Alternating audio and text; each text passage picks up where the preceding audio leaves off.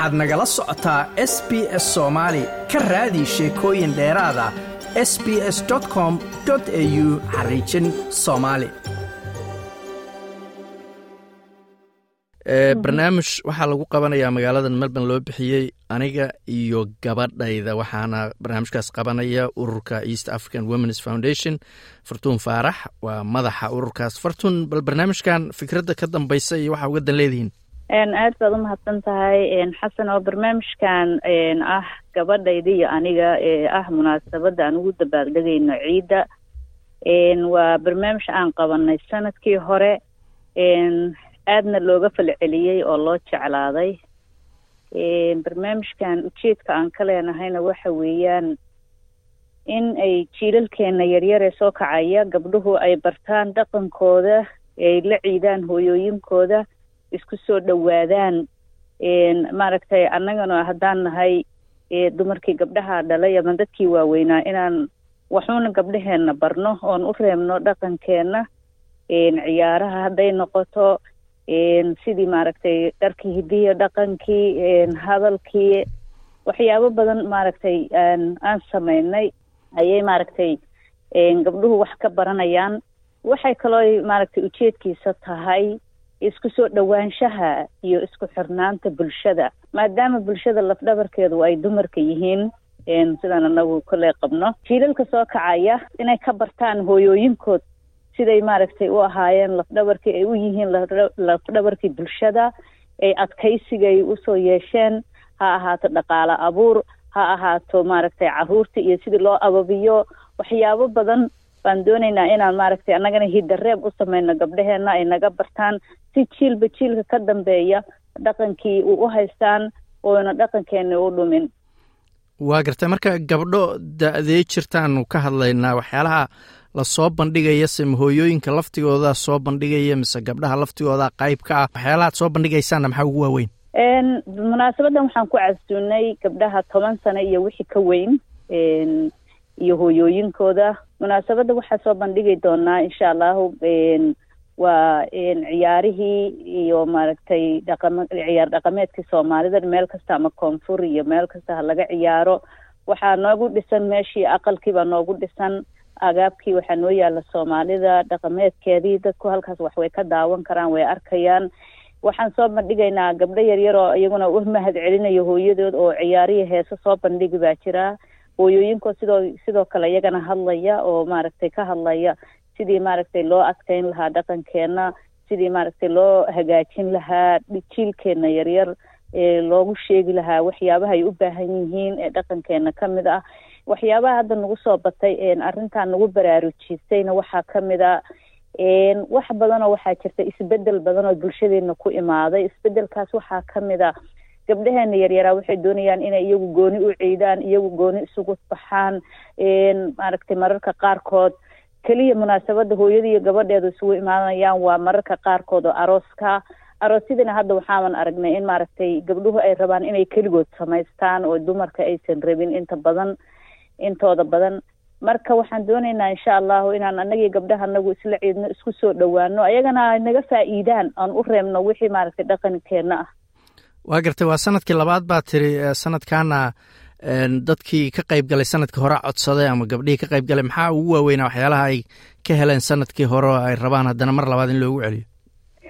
Run ahaantii waxay ka heleen dadku ay maaragtay aada noo soo weydiiyeen ama ay jeclaysteen waxay ahayd bandhigii aan soo bandhignay gabar iyo hooyadeed oo isku dhar qaba oo maaragtay soo gelayo ciyaarta isla ciyaaraya gabdhihii maaragtay hadlayaan oo luuqadii afka soomaaliga ku hadlayaan oo maaragtay warbixino halkaa ka dhiibayaan siday ugu faraxsan yihiin inay hooyadood la ciidaan.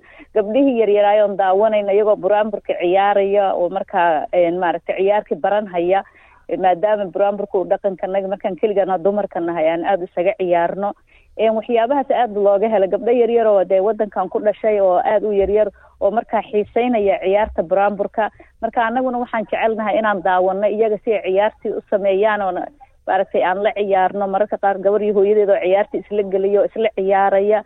Waxyaabaha aadka looga helay taasee ka mid ahaa.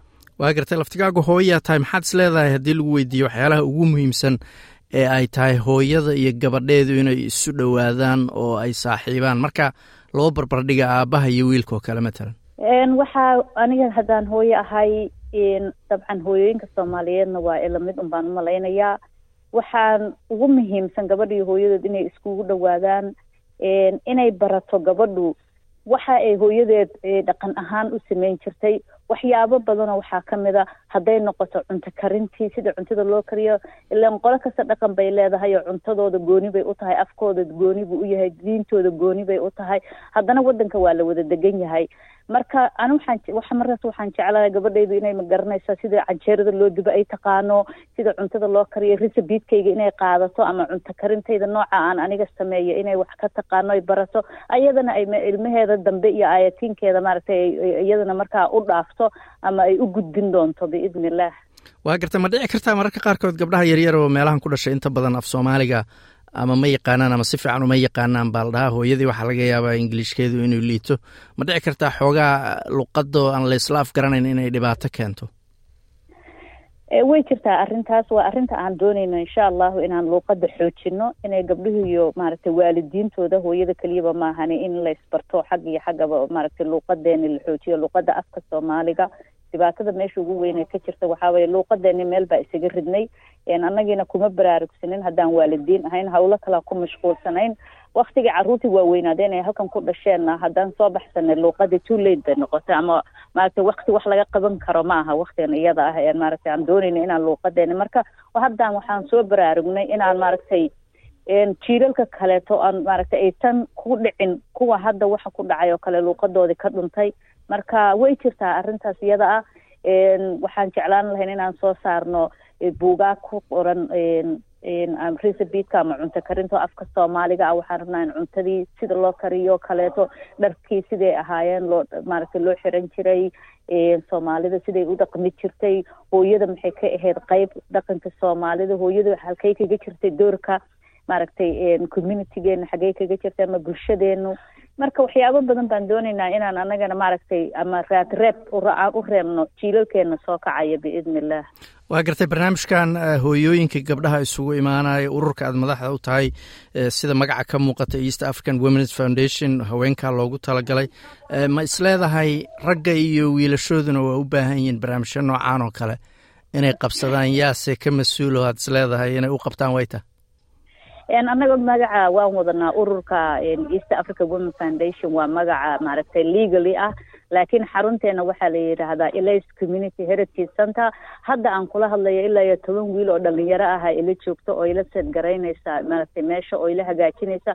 Dhalinyaradaas waa dhalinyarada ku xiran xarunta elis marka xaruntan elis waxay noqon doontaa sida aan ugu qaban doona hadda aan ugu qabanay dumarka inaan mar samayn doono wiilasha iyo aabahoodan u samayn doono inaan maaragtay jiilalka yaryar ee hadda younga familigoo kaleeto inaan iskugu keeni doono ayagana aan wax u samayn doono.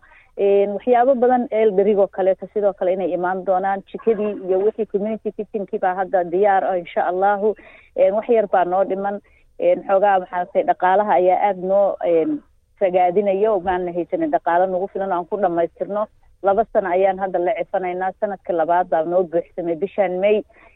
Insha allahu way iska imaan doontaa way hagaagi doontaa. Hadda meel fiican bay mareysaa biidni illah si dhammaan bulshada soomaaliyeed ee ku nool ee melbourne ama wadankan australia barnaamijyada noocan oo kaleeta ah waxaan ku baraarujin lahaa in la wada qabto oo maaragtay maxaafadaha meel walba laga qabto si maaragtay bulshadeenu ay isugu xidhanto eenaan ahaanin uun dad kale waxay qabanqaamiyeen markasta inaanu u daba taagnaano. Taasina waxay ahayd fartuun faarax oo madax u ah ururka east african womens foundation.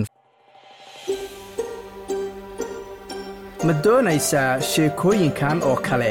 Ka dhegayso apple podcast google podcast spotify ama meel kasta oo aad bodkastigaaga ka hesho